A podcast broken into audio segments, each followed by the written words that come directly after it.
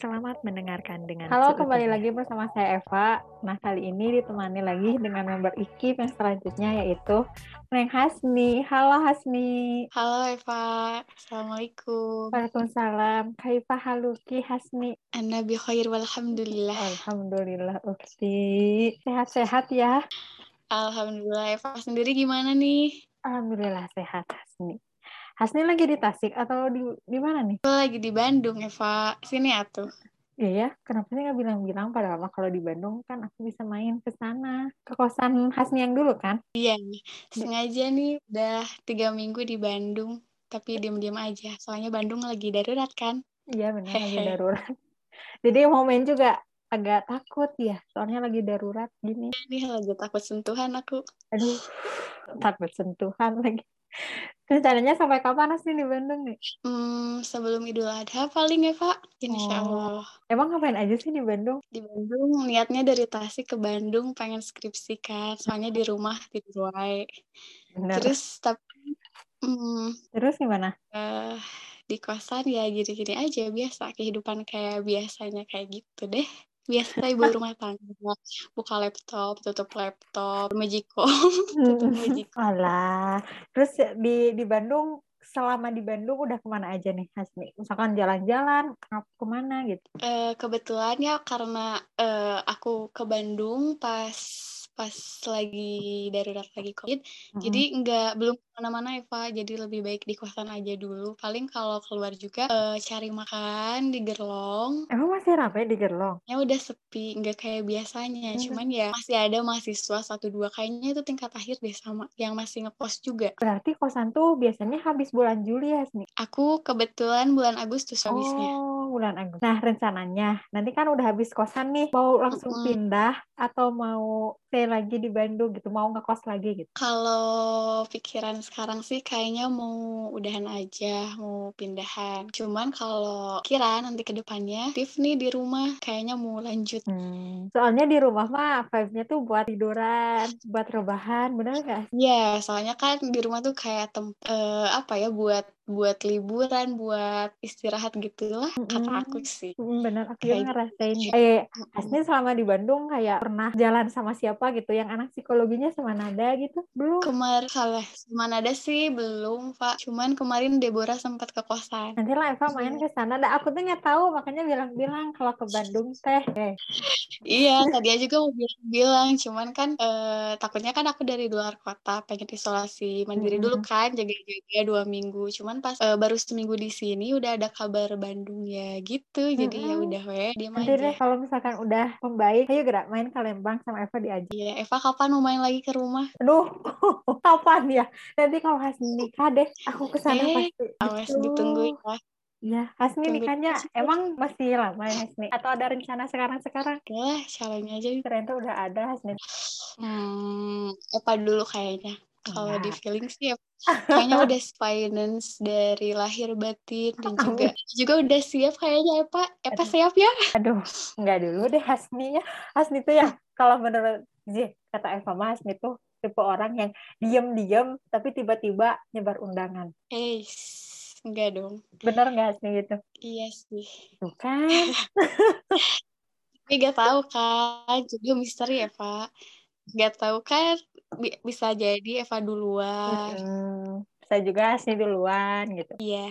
Emang rencana kalau misalkan udah lulus, Hasni mau eh, kuliah lagi atau misalkan kerja atau gimana? Kalau ada rezeki, pengennya lanjut S2. Hmm. Kalau misalkan belum ada kesempatan, paling kerja dulu, jadi wanita karir, Mm-mm. baru deh. Baru deh apa nih? Menjalankan sunnah Rasul dong. Aduh, nah Rasul yang Ya. mana? Ya, menikah gitu, insya Allah. Kalau udah ada. Oh, udah ada ya. Tapi ada kan yang selalu ada dalam doa Hasni kan ada. Hmm, baru dihapus kemarin, Eva. Kenapa dihapus? Aduh, eh, nggak apa-apa. Udah nggak relevan lagi. Gimana ya? Jadi kan sebenarnya udah ada yang gitu. Mm. Cuman ya belum waktunya aja kali ya udah gimana nanti aja eh gimana Tuhan yang ngatur aja eh Eva Allah? Eva Enggak, enggak, enggak. Udah biarin atuh. Hasni Oh. ah, emang eh, jadi sekarang mah udah nggak ada lagi yang ada dalam doa Hasni. Nama yang disebutkan dalam doa Hasni udah nggak ada. Hmm, sebetulnya kan kalau kita menyebutkan seseorang dalam doa itu eh, kurang baik ya. Jadi Mm-mm. dalam eh, di dalamnya tuh kayak ngandung unsur judgment gitu kan, seolah-olah kita menghakimi Tuhan saya pengen ini, sedangkan kan Allah punya rencana lain gitu buat Mm-mm. kita. Jadi kalau bisa kita minta aja serahkan semuanya sama Allah, pasti Allah juga ngatur eh, alurnya tuh ya skenario terbaik lah Mm-mm. tanpa kita minta juga pasti Allah memberikan apa yang kita butuhkan. Jadi kan ya Allah tuh gak ngasih apa yang kita inginkan, tapi Mm-mm. Allah mengasih apa yang kita butuhkan. Kayak gitu, Eva. Masya Allah, pencerahan untuk malam ini ya. Terima kasih Ibu Hasni, Ustazah Hasni, udah mengingatkan kebaikan. Kayaknya Hasni kalau misalkan bikin kajian seru nih. Banyak banget ilmu yang sudah didapatkan kayaknya. Ilmu agama yang sudah didapatkan oleh Hasni. Enggak, Eva. Saya masih pakai ilmu, Eva. Oh, Masya Allah. Merendah Udah. untuk meroket ya Ibu Hasni ini. Enggak dong. Hasni kan tadi eh, rencananya katanya mau eh, lanjut S2 nih. Nah, kira-kira udah ada kayak planning S2 di sini gitu. Terus mau ngambil profesi atau enggak gitu. Boleh dong ceritain? Eh, sebetulnya saya punya impian pengen nyobain ke luar negeri. Amin. Cuman kalau disesuaikan sama kemampuan kayaknya belum memumpuni gitu ya. Mm-mm. Jadi kayak yang realistis-realistis aja deh, kayak masih di di Indonesia, cuman belum tahu tuh di universitas mana-mananya kayak gitu deh. Nah, tadi kan pengennya ke luar negeri. Kira-kira ke misalkan ke timur atau ke Eropa, ke Amerika. Udah ada tujuan negara mana nggak? Insya Allah pengen ke Turki, Eva. Oh, Masya Allah. Amin, amin ya. Semoga ya. Iya, Udah. amin. Mimpi mah harus setinggi mungkin. Soalnya kalau misalkan nanti jatuh pun ke awan-awan yang ada di dekat langit itu katanya. Kata orang Iya, gitu. Nah, iya, kalau misalkan gimana? Terlalu tinggi, soalnya takut lupa daratan. Bener gak? Hmm, Benar, benar. Benar juga. Harus tinggi tapi jangan lupa daratan. Nah, itu intinya. Iya, betul. Nah, sih kan tadi mau ke Turki. Nah, kira-kira mau ngambil misalkan jurusan apa gitu yang lebih spesifik. Apakah mau psikologi atau mau lintas jurusan lagi nih? Rencana sih pengen sama psikologi gitu, Eva. Biar nanti kan bisa relate gitu kan sama Hmm. pendidikan sebelumnya. Jadi udah punya basic. Jadi ya biar lebih luas aja tentang psikologinya. Terus lang- bisa implementasiin buka praktek kayak gitu, insya Allah. Amin, Kalau amin, ada amin. Amin, Yang amin. Doain aja ya, semoga memang Allah takdirkan emang Hasni di Turki gitu kan, siapa tahu ya. ya. Amin. Hmm, Hasni. Nah, nanti kalau misalkan kan ada planning lain yaitu kerja. Nah, Hasni kayak udah pengen jadi apa gitu kalau misalkan meneliti karir. Kalau sejauh ini saya udah kayak eh, ngawang-ngawang pengen kerja Hmm. kayak yang psikologi tuh Eva. Soalnya Hmm. kayak menarik. Jadi bisa lihat kasus dari berbagai orang tuh sangat bervariasi gitu. Konflik psikisnya tuh kayak eh, iya tiap individu kan berbeda gitu. Jadi Hmm. pengen aja gitu. Oh, Kayak hmm. Hasni itu ngambil perkembangan bukan sih atau sosial? Aku lupa lagi. ngambil perkembangan. Hmm, emang ngambil perkembangan tuh emang karena suka anak-anak atau ada hal lain gitu? Eh, saya motivasi ngambil perkembangan ya saya suka gitu lihat perkembangan manusia dari masa infansi sampai eh, dewasa akhir di mana sangat penuh dengan warna-warni di dalam Mm. kehidupannya baik dalam perkembangan kognitifnya, sosialnya, kemudian fisik yang kayak gitunya saya suka sih Pak. Oh, jadi ngelihat perkembangan manusia kayak dari kecil, terus mulai remaja, dewasa awal gitu, terus ber- dengan berbagai dinamika dan dramanya gitu ya, Hasni suka gitu. Iya, iya Nah, kalau gitu. misalkan kan masa perkembangan tuh ada bayi, remaja, dewasa awal, dan terus seterusnya. Nah, Hasni lebih tertarik ke eh, mana ya? Bukan ke mana ya? Ke tahap perkembangan yang mana gitu. Eh, kalau saya sih kayak lebih suka ke tahap perkembangan remaja. Kenapa Hasni suka remaja gitu? Aku suka remaja karena uh, aku kan pernah ngerasain gitu ya, pernah ada di masa masa remaja kayak gitu, di mana Mhm. penuh dengan percobaan, maksudnya ingin coba sana sini, Mhm. kemudian relasi yang luas, Mhm. dan juga, eee, kayak ya, kayak bandel-bandelnya gitu, kayak gitu deh, pokoknya kayak kayak lebih kompleks aja kata aku sih masa Mhm. remaja. Nah, Hasni kan pernah ngalamin nih masa remaja juga gitu. Nah, emang masa remaja Hasni sesuai dengan tahap perkembangan yang kayak labil, terus kayak pengen banyak explore, terus pengen banyak nyoba itu ini gitu. Boleh dong ceritain masa remaja Hasni itu kayak gimana sih gitu? Eee, iya, aku masa remaja aku tepatnya di bangku SMA ya, Eva. Mhm. Jadi ya tuh aku kayak, eee, nggak bisa diam gitu. Mhm. Jadi maksudnya dalam lingkungan sosial lah ya di masa SMA.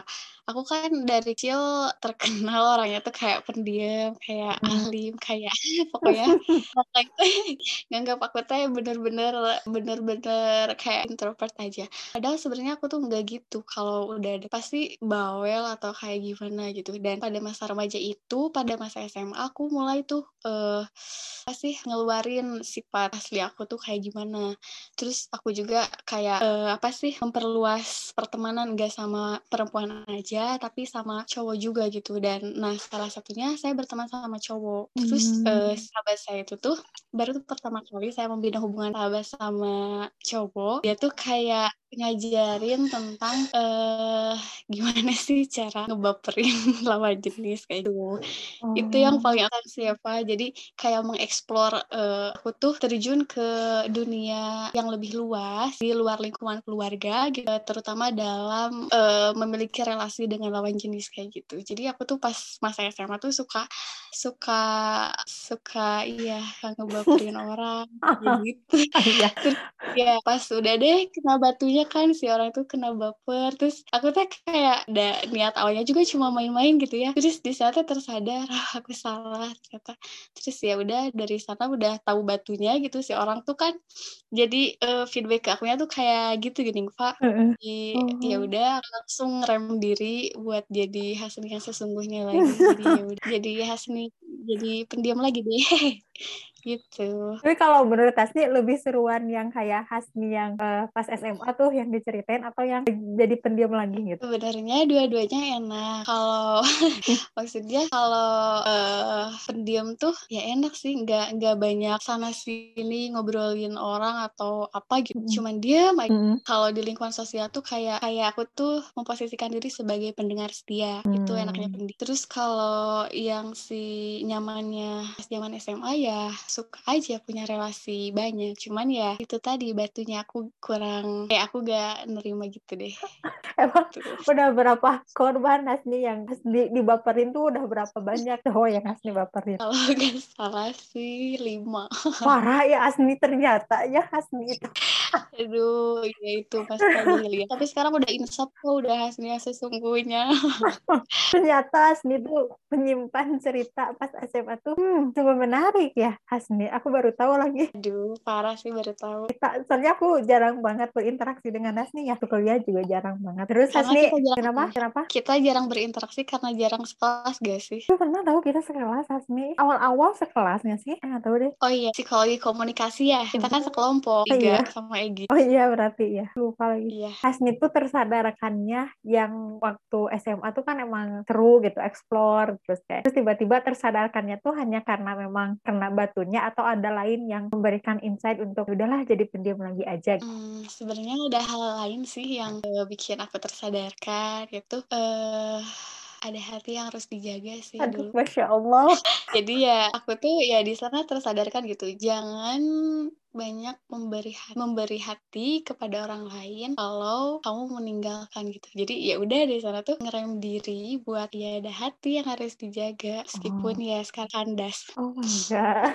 Emang itu hati yang dijaganya tuh emang dari kapan gitu? Ada hati yang dijaga oleh Hasni tuh dari kapan gitu? Dari pas kapan ya, setelah setelah setelah coba-coba baperin gitu deh kalau nggak salah. Eee, berarti sekitar SMA-an ya berarti? Tapi itu nggak lama gitu, akhirnya kandas juga si hati yang dijaga selama ini tuh gitu? Ya jadi kan, eee, sebenarnya aku pernah pernah ngejalin sama cowok tuh baru sekali ya. Mhm. Coba-coba awalnya, pengen nyoba gimana rasanya pacaran, ya udah nyobain sekali. Terus ya dari sana berjalan tiga tahun sih, Eva. Oh my, lumayan lama dong, Mas. Tiga tahun tuh maksudnya nggak bentar gitu. Iya, iya. Aku juga nyeselnya sekarang sih, soalnya kan awalnya didasari sama coba-coba gitu. Eh, lama-kelamaan keterusin setan. Hmm. Jadi deh. Awalnya coba-coba. Aduh, yang awalnya coba-coba tuh biasanya nggak baik ya. Soalnya biasanya yang tukang boraks, bakso boraks tuh awalnya coba-coba. Ternyata banyak pelanggan gitu. Jadi bakso.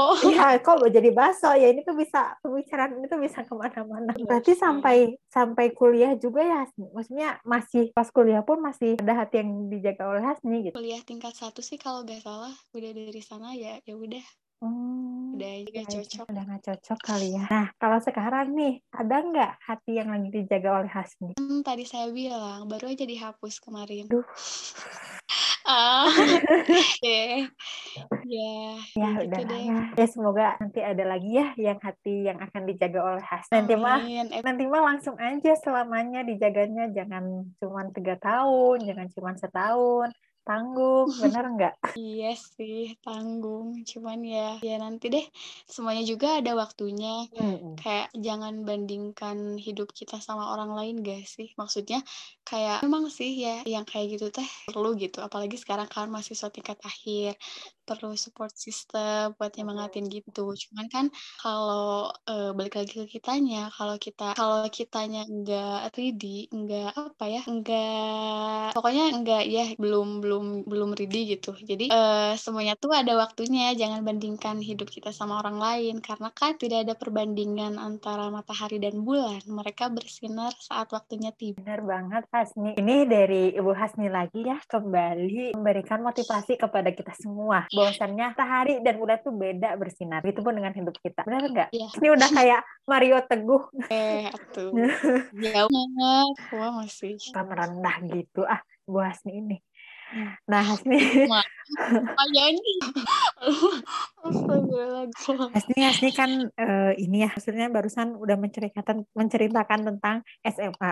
Emang Hasni tuh SMA-nya eh, pesantren bukan sih? Oh, jadi kan kalau di itu dulu aku kelas 4 SMI itu udah mulai kayak duduk di di pesantren. Soalnya kan teman aku ada yang punya pesantren gitu. Terus eh ya duduk di pesantren dari kelas 4 sampai kelas 6. Dari SMP tinggal di rumah cuman kayak masih ngajinya tuh di pesantren gitu loh, Kak. Terus Hmm. kalau masa aku baru deh terjun ke pesantrennya kayak eh, iya mulai dari tidurnya yang kayak gitunya tapi nggak lama sih hanya gebet Oh, jadi pindahlah ke SMA negeri biasa gitu. ah ah, nggak pindah jadi kan eh, di dari SD sampai SMP di pesantrennya di lingkungan rumah pesantren Hmm. kalau ngaji aja Oh. pas SMA aku nyobain pesantren di daerah SMA aku tapi nggak betah jadi ya udah balik lagi Oh, jadi pesantrennya tuh yang bukan pesantren sama sekolah sekaligus gitu, tapi Enggak, pesantren beda. doang gitu. Sekolahnya di luar gitu ya. Iya, beda. Nah, selama pesantren itu belajar apa aja sih Hasni? Misalnya kayak kitab atau lebih ke bahasa atau lebih ke hafalan Al-Qur'an? Kalau aku eh, pesantrennya yang Salafiyah, jadi kita Oh, bikin gitu. Tasik and Hasni dari Tasik ini udah. Nah, Hasni kan itu eh, waktu dari kelas 4 SD juga udah belajar tentang agama, maksudnya udah eh, benar-benar belajar mempelajari agama melalui kitab. Nah, kenapa nggak waktu kuliah tuh nggak ngambil jurusan agama gitu? Yang lebih ke fokus gitu karena kan bisa diterusin tuh dari yang kelas 4 SD itu gitu kenapa pada akhirnya ngambil psikologi gitu Karena apa ya? eh, bukan bukan bosen, tapi lebih tepatnya pengen mencari hal-hal yang baru gitu, terutama Hmm. di kehidupan kita. Jadi kan kita sehari-hari berhubungan dengan manusia tuh. Nah, aku tertarik pengen, pengen mempelajari tentang manusia secara keseluruhan itu kayak gimana, terutama dalam karakteristik mental dan juga sifatnya gitu. Terus di samping ak- aku aku mikirnya sih karena dari kecil udah TK Islam Cipasung, MI Cipasung, SMP Islam Cipasung, terus pengen ada yang bervariasi lagi gitu. Hmm. Terlepas dari basic Islam gitu. Jadi ya pengen ya pengen cari relasi yang lebih luas aja. Hanya kan di psikologi juga belajar tentang manusia, terus di agama juga ya berhubungan dan berkaitan dengan manusia lagi ya. Nah, emang hmm. mau masuk psikologinya tuh emang udah dari SMA atau misalkan uh, waktu kuliah sama orang tua, ya masuk psikologi aja gitu. Awalnya masuk psikologi tuh kayak apa ya? Uh, aku konsul dulu sih sama ibu GO sama ibu BK juga. Jadi kita tuh lihat dulu kan eh SNMPTN ya. Jadi mm -hmm. kayak sisi lain nyari aman tapi sisi lain juga nyari apa sih yang kita minati sesuai dengan potensi kita gitu loh. Jadi ya ya udah aku tuh kayak tertarik sama psikologi dan alhamdulillahnya tuh pas konsul sama si ibu Geo ya nilai aku cukup gitu masuk psikologi UPI jadi ya udah masuk aja ke sini gitu Oh, nah waktu itu tuh kan SNMPTN. Pilihan pertamanya tuh psikologi UPI. ya? Iya, masih psikologi UPI Eva. Yang kedua? Yang kedua ngambil BK UPI juga. Oh. Kalau yang yang ketiganya saya di Unsil ngambil sastra Indo. Hmm. Gitu. Oh iya ya, ada juga ya di Unsil Universitas Siliwangi di Tasik ya itu. Iya. Itu tuh negeri bukan sih Hasmi? Sekarang ya udah negeri. Ya akhirnya juga keterimanya di psikologi UPI. Akhirnya ketemu sama kita semua. iya, akhirnya ketemu sama akhirnya kan indah iya benar banget nah pasti sebelum masuk psikologi berarti bilang dulu kan ke orang tua misalkan mau masuk psikologi nih pernah nggak sih ada kayak larangan dari orang tua jangan masuk psikologi masuk ini aja gitu. Atau misalkan mendukung gitu pilihan hasil jadi sebenarnya kalau orang tua saya tuh tipenya kalau uh, selama itu positif mau apa-apa aja sok. Yang penting uh, gak terlepas dari tanggung jawab diri sendiri gitu. Jadi orang tuh orang tua tuh kayak support aja tentang terkait apa yang aku mau. Jadi eh, ketika aku menulis psikologi ya orang tua alhamdulillah menyetujui dengan lapang dada Eva. Jadi hmm. berkata ya alhamdulillah aku masuk ke sini. Iya. Gitu. Karena ridho ridho Allah tuh ada dalam ridho orang tua. Iya betul sekali Eva. Subhanallah. Nah kan waktu kuliah tuh kan dari Tasik ya Hasmi, terus tiba-tiba ngerantau ke Bandung nih Hasmi. Nah awal-awal tuh ada sempet kayak ketakutan tersendiri nggak sih kayak, tuh nanti gimana ya pas di Bandung gitu-gitu? Atau emang udah disiapin dari awal jadi gak ngerasa takut, gak ngerasa khawatir gitu? Kan kebetulan aku anak-anak bungsu ya, mm-hmm. kedua ya orang tua tuh kayak tengah hati buat ngelepas keluar kota oh. gitu tapi kan itu kan hal positif jadi ya udah apa pun itu kalau emang yang terbaik ya udah orang tua support. Terus kalau untuk ketakutannya tersendiri aku ngerasa takut sih terutama uh, di lingkungannya itu loh. Jadi kan Bandung. Jadi aku tuh kayak persepsi pertama terkait Bandung tuh kayak lingkungannya kayak uh, kasar daripada Tasik. Terus kayak gimana ya nanti hidup di Bandung sendiri gak ada orang tua gak ada keluarga di sana. Terus kayak gimana ya nanti kuliahnya dosennya pokoknya pokoknya penuh dengan pertimbangan tapi uh, di balik ketakutan itu ya sih ada jalan keluarnya dan gak bakal gak bakal apa ya apa yang kita pikirin tuh gak bakal sepenuhnya relate sama aslinya gitu ngerti gak? Hmm, hmm, hmm, hmm. Ya, gitu. Itu malah hanya di pikiran kita gitu belum tentu kejadian juga kan nanti. Iya, overthinking ya. Iya, overthinking.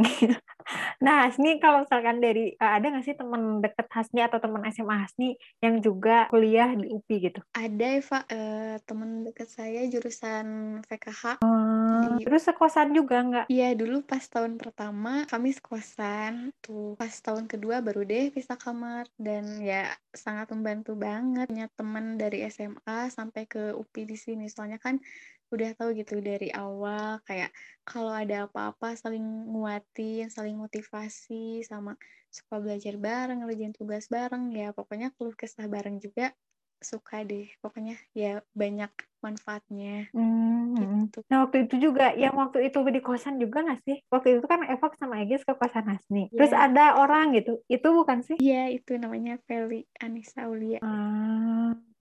Tapi masih pindah ke kamar yang di kosan itu kan, bukan pindah iya, kosan gitu. Iya, masih cuman pindah kamar doang, kosannya masih sama. Jadi masih ada iya. teman gitu. Iya, masih hmm. ada. Karena itu kosannya tuh lumayan agak apa ya, masuk berlikaliku gang, bener gak sih? Aku lupa lupa ingat lagi. Ah, iya bener Eva, bener sekali. kenapa bisa menemukan kosan itu gitu. Sebenarnya itu di direkomendasiin sama teman aku sih. Jadi sama pengen pengen cari situasi yang tenang sepi aja gitu. Soalnya kan kalau kalau belajar gak bisa di tempat yang berisik ya. Mm -hmm. jadi mah masuknya tuh jadi ya suka aja di sini sepi ah, gitu. bisa masuk motor nggak sih ke sana? Bisa dong oh my god. Lupa lupa beneran. Ini mana sih? Hati aku lupa di belakang ini kan? Di dekat MIPA nggak sih? Deket kolam renang Upi. Ah. Lupa lupa. iya iya. Yang warna putih bukan? Putih kan? Iya. Kok chatnya tahu? Kok chatnya masih inget tapi jalannya nggak inget lupa soalnya emang banyak kosan yang pernah aku kunjungi terus jadi kayak lupa lupa ingat di mana gitu letaknya iya masih yang itu ya pak. Di belakang kenapa nggak pernah pernah nggak sih kayak pengen pindah dari kosan itu gitu atau emang udah nyaman dari awal sampai detik ini gitu? Aku sejauh ini udah nyaman sih ya Pak di sini karena lingkungannya juga sangat memadai gitu. Jadi teman-temannya tuh pada ramah. Terus kayak kalau ada apa-apa saling bantu. Pokoknya oh. kalau kalau apa ya kalau setiap hari tuh kayak ada aja interaksi sama tetangga kosan atau sama ibu bapak kosannya juga jadi ramah-ramah gitulah jadi nyaman akunya di sini. Hmm.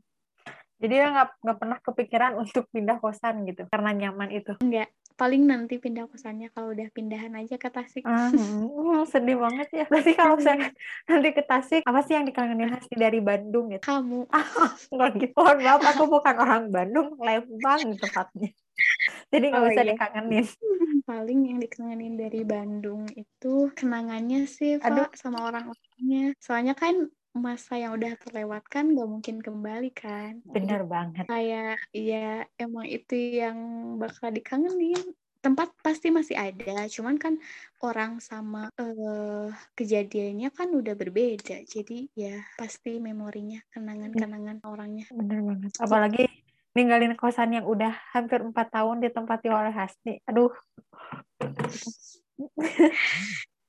iya, gitu. sedih banget ya. Sedih, sedih banget sih. Udah dari dari pertama maba aja dari sini pertama kan udah ditinggalin sama keluarga kan pas pindahan. Kayak nangis kayak gitu. Terus tiba-tiba sekarang udah beres. Tapi seneng sih udah beres. Udah ya, dapet gelar psikologi. Emang. Ya tapi lagi nyusun kan sekarang Oh iya, Eva lupa. Insya Allah juang. ya mudah-mudahan ya segera lulus. Aduh, soalnya kosan tuh bakal hmm. jadi bakal jadi saksi bisu gitu nggak sih kayak tempat Hasni nangis, dia tahu kayak kalau Hasni lagi senang, terus lagi ngedown, lagi semangat semangatnya gitu. Kayak kosan tuh kalau ngomong dia tahu gitu semua cerita Hasni gitu, bener nggak? Iya emang, iya bener. Kosan tuh saksi bisu, jadi kayak iya kayak CCTV tentang kehidupan aku gitu, tahu dari selak beluknya di mana aku bahagia, di mana aku bersedih, di mana aku ceria. Pokoknya ya. Nah, Hasni selama aku ya setahu aku, Hasni tuh kalau misalkan kuliah tuh tipe orang yang kuliah pulang kuliah pulang. Bener nggak? Atau misalkan salah gitu. Aku tuh kalau misalkan kuliah udah pulang kuliah ke sini dulu punya kegiatan ini ini gitu. Atau gimana nih iya emang bener. Kupu-kupu. Aku mahasiswa kupu-kupu. Hmm. karena ya kalau kalau kalau gak ada yang harus dikerjain lagi ya kenapa harus di kampus? Kecuali Aduh, kerja nggak tahu sih aku tipenya kalau dari rumah juga bener-bener kalau udah pulang sekolah langsung di rumah dia gitu sekalinya keluar ya kalau ada keperluan kalau main kalau ada acara-acara gitu kalau yang main-main di sana mah jarang sih ya pak tahu hmm. deh dari hmm. dulu jadi, jadi emang deh. Langsung ke kosan pulang gitu iya kalau kalau gak ada tugas yang bener-bener harus menuntut ke perpus ke kosan aja gitu anaknya tuh beneran kayak hobi banget gitu kayak udahlah kalau nggak perlu perlu banget apa ngapain keluar apalagi sekarang ya di tengah pandemi seperti ini beneran kayak mendukung Hasni untuk tetap stay ke ke mana-mana. Iya. Yeah. Nah selama uh, pandemi nih kan di rumah ya di rumah terus terusan. Hasni ngapain aja sih atau misalkan punya kegiatan baru gitu? Kalau aku sejauh ini di rumah paling di ibu rumah tangga belajar hmm. masak terus Masya Allah.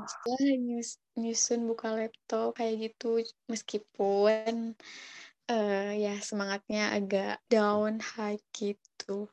Terus sekarang tuh lagi coba itu Eva, aku pengen berkarya kayak kamu, kayak orang lain. Jadi hmm. lagi bikin biasalah cirat-cirat kayak gitu pengen punya suatu karangan gitu. Ah, suatu tulisan gitu. Suatu tulisan gitu yang menceritakan tentang kehidupan aku selama di Bandung sama ya yang ah, ya tunggu ya semoga segera diterbitkan. Soalnya di blog aja nih bikin blog nanti share si linknya gitu. Jadi biar bisa baca sebelum dibukuin iya, gitu. Pak. berarti berarti hasilnya tuh siap Pak Insya Allah. Ya suka nulis ya Kenapa nih suka menulis? Suka ngerangkai gitu? kata, lebih tepatnya suka ngerangkai kata sih, Eva. Gak tau ah. deh, suka ah. banget kalau lihat tulisan-tulisan yang menarik tuh jadi kayak pengen di dikembangin atau di apa gitu. Tahu deh, pokoknya suka aja Eva. Terlihat dari caption Hasni juga. Jadi sebelum ini tuh kan aku suka ini dulu ya, riset dulu. Oh, iya. Hmm, benar tentang siapa pun yang mau aku ajak ngobrol tuh di riset dulu.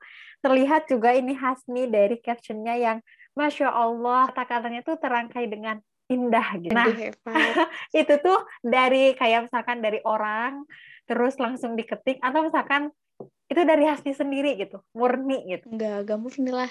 Itu masukan dari orang, dari internet, dari dari Instagram di line. Jadi aku sedikit-sedikit rangkai-rangkai terus satuin. Ini juga lihat tuh ada aku pinjam namamu di sepertiga malamku untuk keberbincangan dengan robku. Masya Allah masya Allah aduh ini malu ini? Masya Allah Ufi beneran ya indah banget. Artinya masih abal-abal Eva belum apa lah bahasa uh namanya juga perjalanan ya. Ya semoga suatu saat nanti ada karangan khas nih ya di Gramedia gitu di mana-mana hmm. ya kembangkan lagi berkarya lagi yuk kita sama-sama berkarya yuk yuk yuk bisa yuk Nah, sekarang aku ada games nih. Jadi gamesnya tuh namanya uh, ceritain paling, oke? Okay? Hmm. Nanti Hasni ceritain ceritain apa yang aku akan sampaikan sesuai dengan pertanyaan. Apa sih? Ngerti nggak? itu ada. Jadi ngajuin pertanyaan. Iya, nanti Terus, ceritain gitu. Jadi si gamesnya tuh pokoknya mah tentang ceritain paling bla bla bla, ceritain paling bla bla bla. Nanti ada pertanyaannya gitu. Yang pertama, okay. ceritain pengalaman paling berkesan selama kuliah di psikologi. Apa Eva? Paling itu pas zamannya itu apa? Ospek jurusan SPAB. Kenapa paling berkesan? Kenapa itu menjadi yang paling berkesan? Soalnya di sana eh, apa sih? Tahu gitu orang orang orang psikologi tuh maksudnya teman-teman semuanya tuh kayak eh oh ini oh gini orangnya oh gini. Banyak banyak gimana ya kan awalnya nggak kenal gitu. Terus hmm. pas di PAB kan nginep tuh dari uh, makan bareng pokoknya ke sana kemari bareng apalagi kelompok bareng. Jadi kayak punya kesan tersendiri lah punya punya apa sih yang menik ya pokoknya gitulah ya pak waktu PAB tuh kelompok apa ya? Waktunya kan ada di kelompok-kelompok dengan pas Mabim. Itu kelompok Alfred Adler kalau gak salah. Sama siapa sih? Kalau di PAB biasa sama Epa. Iya, eh. PAB mah sama Kang Isan bukan, sama Donita oh, bukan. Oh, iya, iya, sama Kang ya. Isan, sama Nubi, sama Eva. Mm -mm. Kalau PAB mah sama Hasni. Nah, kalau yang waktu Mabim kan beda lagi ya? Yang seingat aku ceweknya tuh El, Ani, aku, terus kalau cowoknya Farhan sama Billy. Hmm. Iya. Nah, waktu pas Mabim, Hasni datang full nggak? Atau sakit-sakitan? Datang dong. Enggak. Aku aku gak bisa acting pura-pura sakit, Eva. Jadi aku benar datang. dengan diet soalnya itu kayak tuntutan yang kalau ditinggalkan tuh kayak berdosa dulu tuh kayak kok takut sama komdis? Padahal kan dia juga sama-sama manusia kenapa harus hmm. takut kalau di sekarang? Jadi ya enggak aku gak bolong-bolong rajin kok. Sombong. Jadi Mbak Bim selesai. Terus LDKM ikut nggak? Ikut semuanya ikut. Oh. dari Yureknya juga sampai PAB ikut. Nah kan PAB tuh banyak ya kegiatannya. Nah yang paling berkesan lagi nih bagian apa? Kegiatannya apa aja sih ya Pak? Udah lupa aku Nggak tahu, makanya aku nanya. Aku juga lupa. Paling jelajah malam sih. Oh iya. Oh iya. Uh. Jelajah yang paling berkesan jelajah malam. Soalnya di sana kan kayak uh, dituntut untuk uh, masuki berbagai pos kan dari kakak tingkat, dari yang tertua sampai termuda. Terus kayak kayak ditanya nyampe ya gitu deh, nyampe seluk-beluk tentang masuk psikologi kenapa gitu ya, udah. Nah kan kata Hasni tadi dari pengalaman paling berkesan tuh PAB soalnya jadi tahu orangnya tuh kayak gimana gitu. Nah, ada nggak sih kayak orang yang Hasni tuh beranggapan dia tuh kayak gini, ternyata pas PAB setelah PAB, ternyata dia tuh kayak gitu, gitu. Ada nggak? Enggak tuh sejauh ini. Hmm. Enggak, enggak ada. Oh nggak ada, jadi ya biasa-biasa aja. Saya sesuai dengan ekspektasi Hasni gitu. Iya, hmm. sesuai sih. Belum nggak ada nemu kejomplangan gitu yang tadinya kayak gini jadi gitu enggak sih. Hmm. Oke, okay. Next nih, ceritain pengalaman paling buruk selama kuliah di psikologi. Paling buruk, hmm, apa ya? Paling buruk apa ya Pak? Oh, itu ya, yang, yang apa sih? Yang itu, yang pelajaran bahasa Indonesia yang sama Pak siapa gitu? Yang kuis. Yang kuis everyday, yang kuis setiap pertemuan. Ya, aku pernah nilainya jelek banget, dapat dua. Terus hmm. di sana kayak kayak kayak ya memandang diri tuh buruk bodoh terus ya udah gitu teh ya itu sih menurut aku paling buruk soalnya paling jelek. Soalnya ini gak sih yang waktu jadi kan suka diperiksa nih gini nggak sama teman sebangkunya atau teman sebelahnya gitu nggak sih? Terus nanti disebutin. Uh, uh. iya itu aku malu. Soalnya disebutin kayak di seluruh kelas kayak Eva dua. Uh malu kan? Yeah. tapi untungnya pas, pas ke depannya kayak bapak tuh ngasih kesempatan buat memperbaiki nilai yang paling jelek. Terus ya di sana berusaha deh. Ya udah deh. Ya udah deh yang yang ini nggak sih? Yang kita tuh disuruh presentasi tapi harus menggunakan bahasa baku. Iya. Iya yang itu apa yang harus benar-benar formal.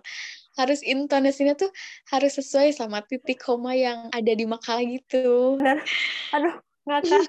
Soalnya masih ingat soalnya waktu itu si Egis dia melakukan kesalahan yang fatal. Jadi karena sembilangnya kayak oke okay, selanjutnya gitu. Ya oke okay, nextnya. Oh my god astagfirullah ngakak ngakak udah itu mah. Aku juga kecil lah kecil. Pasti berapa sih nilai? Masih inget nggak? Waktu presentasi itu? Hmm, nggak hmm, inget ya pak. Oh, aku, aku juga kecil dah sama gara-gara nggak tahu lah melakukan apa ya mau capek. Emang dasar. Kalau tiap bahasa Indonesia tuh bahasa Indonesia, duh deg-degan. Soalnya emang udah pasti kuis tiap hari. Oh, oh, untungnya dua SKS. Untung dua SKS. Untung lulus. Bener-bener. Kalau enggak, aduh masa ngulang lagi gitu. Oke, okay, next lagi nih. Ceritain matkul paling favorit Hasni itu apa? Perkembangan. Kenapa? Soalnya yang tadi aku bilang, jadi aku suka lihat perkembangan manusia dari masa ke masa. Tapi jadi, emang gimana? Jadi hmm? gimana? Gimana? Jadi ya tahapan tuh kayak punya perkembangan yang uh, tumbuh dan berkembang gitu loh Pak. Jadi punya keunikan tiap tiap perkembangannya tuh kayak hmm, gitu. Emang beneran kayak perkembangannya atau makul di dalam uh, rumpun perkembangan gitu? Maksudnya gimana Pak? Kan Asni bilang kayak makul perkembangan, tapi kan ada juga kayak rumpun di perkembangan tuh kayak psikologi keluarga, psikologi uh, anak apa, anak-anak apa gitu. Nah, Asni sukanya oh. yang mana gitu? Uh, kalau Uh, sih, semua pokoknya yang nyangkut tentang perkembangan aku suka. Ya, hmm. salah satunya psikologi keluarga sama psikologi apa lagi sih ya, Pak? ARBK kayak gitu pokoknya suka deh. Kaget pas nanya nih, psikologi apa lagi ya, Pak? Gak tahu, saya bukan anak perkembangan. Jadi, bentar, jawab apa? Tapi aku juga ngambil keluarga nih yang sama Bu Rahayu. Iya, kita kan sekolah sih, Pak. Iya. Suka kan? Iya, iya, iya. Tapi aku lupa sih suka duduk di mana ya. Soalnya aku mah suka duduk ke belakang kalau keluarga. Aku paling sering suka duduk sama Donita di bangku kedua. Hmm, hmm hasilnya sama suka sama Donita. Di belakang banyak kat. Benar. Hasilnya tipe orang yang pasti ngedengerin gitu. Soalnya waktu itu aku sama sifat dia jadi ngobrol aja sifat dia mah. Dari mulai iya. gitu masuk sampai akhir ngobrol. Dasar enggak kok aku enggak gitu ngedengerin. Tapi ada ngawang-ngawangnya kak. Sambil ngelamun gitu. Iya, apalagi matkul apa ya, suka ngawang-ngawang banget tuh, statistik kalau gak Psikometri. Next lagi nih, ceritain momen paling lucu waktu kuliah di psikologi. Paling ya? ngakak lah gitu. Kejadian ada nggak gitu? Enggak, Eva, aku gak inget. Nggak ingat. Atau selama apa kayak apa kayak misalkan di mana gitu, selama di Bandung deh gitu. Ada nggak kejadian yang random gitu apa gitu? Yang random paling yang kata oh ya, kata aku yang selama kuliah di psikologi, eh umumnya di kuliah di UPI, kayak yang paling lucu tuh kayak pas kita lagi tutorial gitu guys sih. Kayak enggak menurut aku sih. Kayak Ah, kayak tutorial. Soalnya kan pas pas lagi tutorial tuh kalau mau ke WC harus nyimpan PM. Terus udah gitu beres tutorial tuh langsung ganti baju buat menurut aku itu waktu yang lucu sama random. Emang Terus aneh itu banget. Pasti ikutan ikutan yang binder nggak sih? Atau yang biasa? Yang kalau mau ke WC tuh harus nyimpan KTM dulu. Aduh, oh, oh nggak boleh lebih dari lima menit lagi. menit. Ah, Ampun tapi nurut lagi kita nggak lebih dari lima menit kayak ini udah lima menit belum ya gitu. Iya, soalnya kita masih maba. Ya masih maba kayak masih takut gitu padahal ya mau 10 menit juga ada pasti balik lagi. Terus diganti ganti bajunya teh di lantai atas, masih ingat nggak? Iya, inget pas sudah sholat langsung ganti terus makan buru-buru kan takut sama komdis kesiangan. Terus makan juga dikit. Nuhun Kak, makan makan makan. Ampun nih 2017 Emang sekarang udah mau lulus lagi. Si ganti bajunya teh yang di belakang, yang ditutupin sama apa ya? Ya aku mah suka di belakang itu loh Hasni, yang paling belakang terus kayak ada penutupnya gitu, terus diganti di sana buru-buru. ngakak iya Pak. Baik. Ya, ya ampun, itu beneran makan cuman dikit, terus sampai sana langsung baris langsung tegang. Ah, Terus apa sih yang pakai kalung itu loh nama eh Iya. papan nama gitu. Trisula, Oh bener, iya ribet banget. terus kan Tapi kalau dipikir emang lucu sih. emang emang terus si Trisulanya terus disamain sentimeter sentimeternya juga diukur. Ih. Uh, Emang. ampun ya. Tapi dulu tuh kita, oh iya, oh iya, nurut gitu. Apalagi kalau ditanya esensi esensi itu loh. Teh kadang ujug-ujug beku mikir esensi esensi apa yang harus aku juga waktu waktu waktu itu suka mana wah pikiran mas soalnya kalau misalkan terlalu fokus stres emang benar. ya ampun terus harus pakai pin dulu mah selama Ngakak ih. harus pakai pin kalau ketinggalan kalau lupa teh ah udah itu. Udah tamat riwayat. Ampun. paling ngakak emang. Next oke next nih ceritain momen yang paling gak akan dilupain sama Hasni dengan angkatan. Paling momen kalau udah beres mabim terus kumpul di Alfurqon. oh iya iya. Itu kayak aku ngerasanya bener-bener keluarga tuh kayak iya gitu. Ada dalam angkatan tuh. Soalnya kan ya kita kan udah dimarahin segala macam kan pas di ospek. Terus eh begitu kita kayak nyari solusi bareng sama anak psikologi terus kayak pokoknya dari dari hal-hal terkecil tuh kayak bener-bener nyari solusinya tuh bareng-bareng gitu ya. Hmm, ya masih ingat pulang itu langsung ke, ke di Selasar Al-Furqon aku masih ingat tempatnya di mana lagi. Terus muka-muka capek muka-muka lelah tapi harus diskusi. Aduh. Ampun apalagi malam minggu kan. Ya apalagi malam minggu. Ya Allah itu udah capek banget dari pagi tutorial mabi terus diskusi. Diskusi juga ada nggak terlalu maksudnya yang ngomong tuh cuman itu itu aja gitu yang lainnya mah aku, termasuk aku juga. Ya eh. hmm, setuju lah gimana pun itu. Udah malas mikir ya pak. Udah capek gitu kayak tuh udah yuk gitu. Ampun. nih bener itu yang pak bener itu yang gak bakal dilupain sih bayangin pakai baju biru Asturo tak 60 orang ada di Selasar Al Furqon ya nih inget keneta asal pokoknya apa-apa harus seragam. Bayangin warna ungu, badak maghrib berkumpul di selasar Al-Furqan dengan muka kelelahan. Ampun nih penuh dengan kebodohan. Penuh dengan mukanya tuh tinggal selingkuh. Iya, setuju. Iya, apa pun itu. Kayak Kayak keringat udah ceritain orang uh, di psikologi yang paling berkesan buat buat Hasni.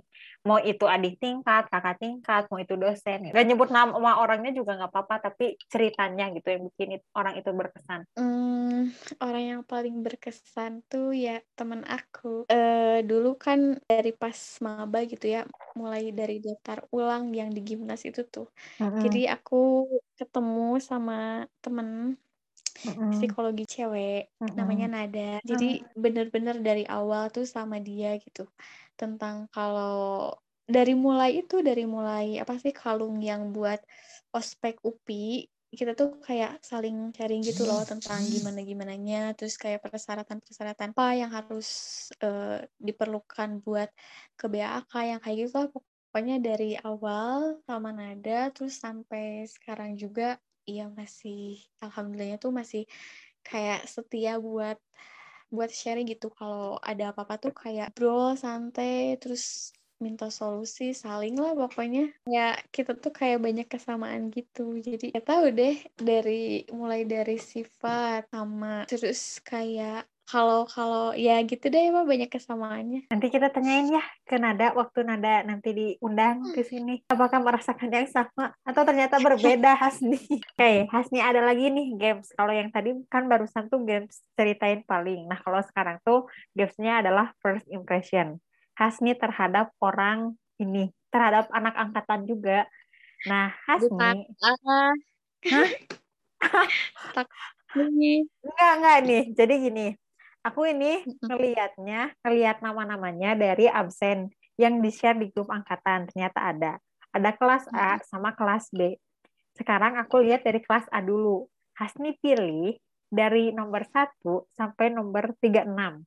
Pilih nomor berapa, nanti aku sebutin orangnya, dan Hasni ceritain first impression ke orang itu. Oke? Okay? Kelas A dulu. Ah, siap-siap. Nomor berapa nih? Nomor 10. Fatia Nur Hadi. Untung Pati ya. Dia cerdas, pinter ngomong.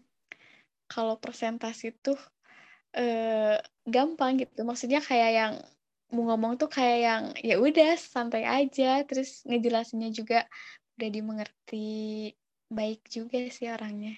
Hmm. Gitu ya, Kak. Terus yang selanjutnya kelas B dari satu sampai nomor 36. Nomor berapa? Nomor tiga enam. Gabriel Firdaus. Gabe first impressionnya aku lihat dia orangnya ramah terus pas pas pertama lihat tuh pas mabim sih kalau gak salah itu tuh ngebenerin apa sih? Proyektor yang tinggi. Soalnya dia kan hmm. tinggi. Uh, uh, uh, yang paling inget itu sih sama Gabe. Uh. jadi oh dia terus kayak ramah juga. Terus pernah juga dulu sekelompok apa ya gampang kerja sama aja gitu. Jadi uh, santai orangnya tuh gak gak bikin canggung gitu. Nomor dua satu. Revania Laras. Reva Reva. First, first impression manis. Kalau dari apa lagi? Kalau dari mah dia kayaknya orangnya santai. Jadi kan pernah dulu tuh sekelompok presentasi apa ya? Pokoknya dia tuh kayak yang orangnya tuh kayak nggak ambil pusing gitu loh jadi ya udahlah jalani aja terus kerjain aja sebisanya. Terus ya pokoknya kayak yang santai gitu tapi santainya tuh pasti nggak yang leha-leha gitu sih. Hmm. gitu Rev oke okay. terakhir. Nomor tiga. Sonia Nur Fauzia Sonia Nur Fauzia Sonia. Soson Soson. Oh. Kirain aku tuh Sania.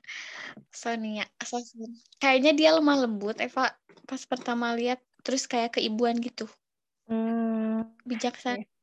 Games first impression Hasni terhadap anak-anak angkatan. Sebagian anak-anak angkatan. Pesan buat angkatan dari Hasni. Kalau pesan sama angkatan tuh banyak banget dari dari dari mulai mabim sampai PAB terus kayak perkuliahan sampai semester 6 offline-nya. Jadi kayak kita tuh bener-bener apa ya bisa menjalin silaturahmi dengan baik gitu. Gak ada kayak ada pertentangan atau apa gitu. Selama ini aku ngerasa kesan sama teman-teman IKIP tuh kayak yang ya udah baik-baik aja. Emang emang apa sih kita menjalin hubungan secara baik. Terus kayak bener-bener persaudaranya tuh kerasa. Nah, kalau untuk pesannya, jangan lupain ya nama Hasni itu tuh ada di angkatan 2017. Soalnya takut gitu kalau udah pada lulus terus kayak ada reuni gitu terus kayak ah emang ada nama Hasni kamu gitu banget enggak dong jadi jadi ya udah deh jangan pokoknya pesannya apa ya jaga jaga terus kekeluargaan kita. Terus kalau bisa saling berkabar ya meskipun aku eh, jarang nongol di grup ya. Cuman ya aku dari jauh sejauh mata memandang terus memperhatikan perkembangan IKIF baik itu dari Instagram, dari WA, dari Line, dari aplikasi apa pun aku tuh kayak selalu stay gitu buat liatin oh perkembangan IKIF kayak gini gitu. Jadi ya sebisa mungkin jaga kekeluargaan ini sampai akhir hayat. Cerita Hasni yang bikin aku terharu juga ya Hasni soalnya memang tersentuh gitu. Jangan lupakan nama Hasni. Kalau Hasni itu ada di angkatan loh gitu. Iya dong. Eva juga jangan lupain Hasni ya. Enggak dong. Makanya diundang ke sini juga enggak lupa ke Hasni. Oh iya, makasih loh Eva udah diundang ke sini. Iya, sama-sama. Pasti kan ini tuh uh, podcastnya akan selama selamanya bakal ada di Spotify gitu.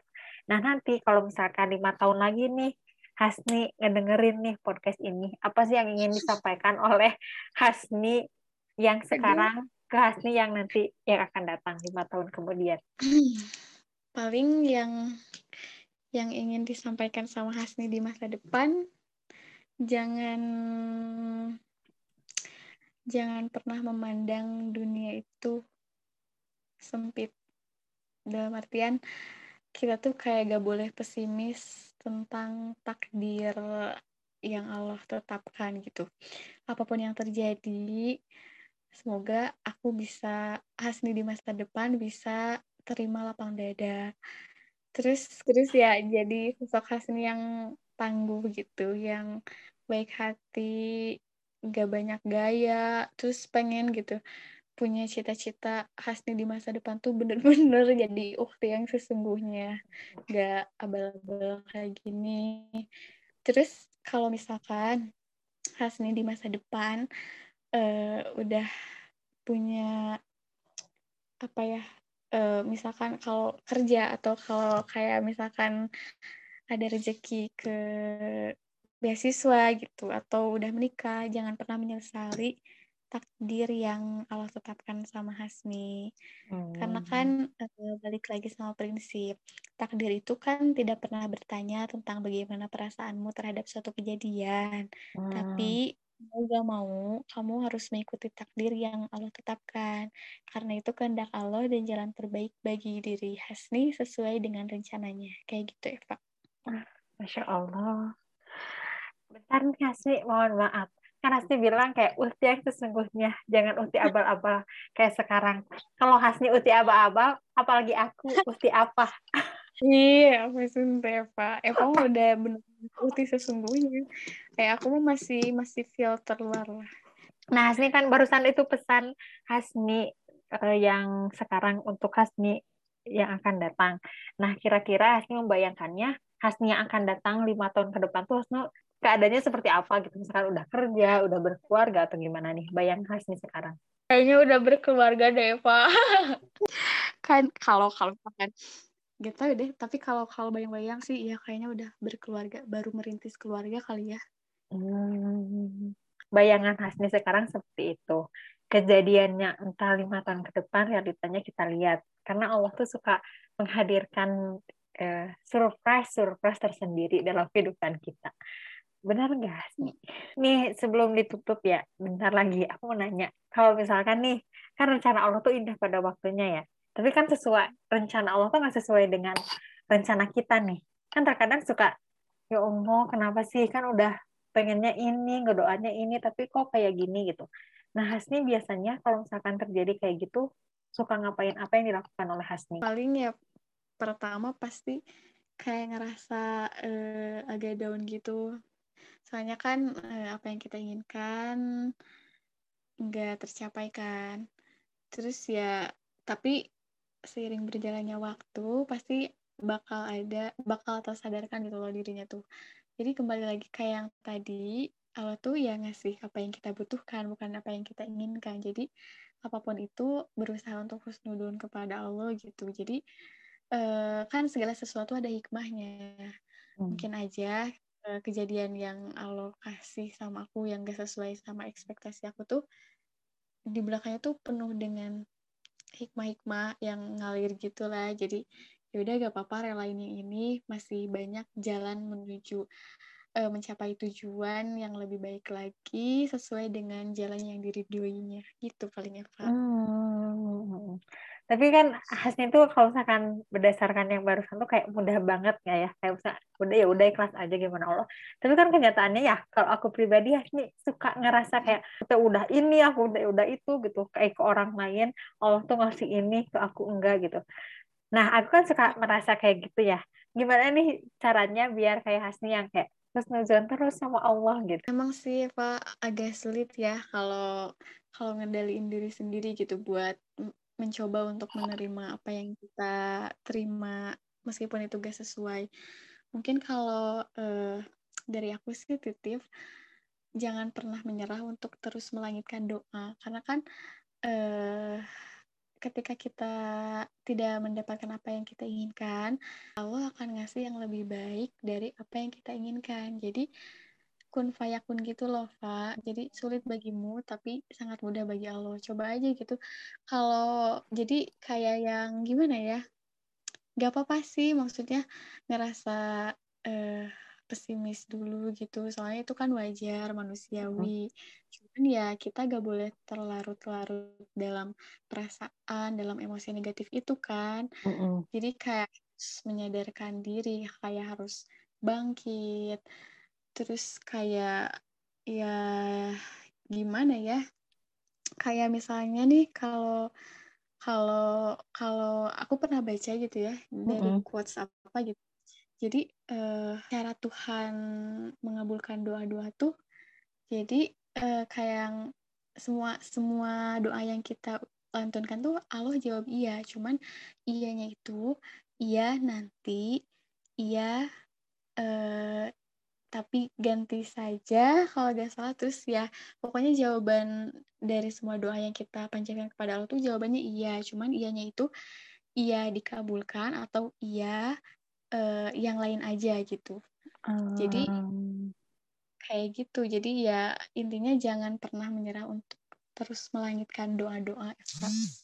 Insya Allah Hasni ya. Inilah lagi-lagi ya Hasni memberikan pencerahan lagi. Insya Allah Hasni bijaksana banget ya dalam menjalani kehidupan. Semoga nular ya kebijakannya gitu. Eva, boleh tanya balik gak? Boleh.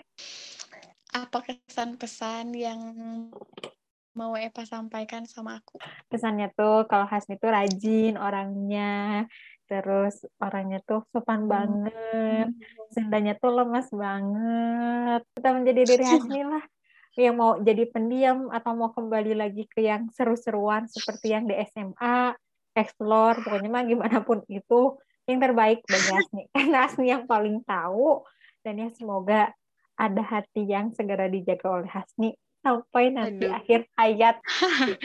Amin. Gitu pesannya. Amin. Makasih ya Pak. Ya, sama-sama Hasni ya. Makasih juga udah datang ke podcast ini, udah cerita. Ya, meskipun hanya sebagian kecil dari cerita Hasni, semoga ini membuka jalan untuk kita dapat bercerita lagi di lain waktu. Nanti deh aku main. Kan waktu dulu Hasni titip salam aja dulu ya sama ibu bapaknya Eva sama keluarga Eva. Iya. Semoga sehat, lancar dalam segala urusannya dan semoga selalu diberikan kebahagiaan Eva. Amin, amin, amin, amin, ya Allah, amin, amin, amin. Semoga skripsinya lulus deh gitu. Itu doa oh, yang iya. sama-sama ya. Semoga kita bisa lulus ya dengan yuk cepatlah dong ayo dong ayo gitu. Gitu. Sekali lagi terima kasih Hasmi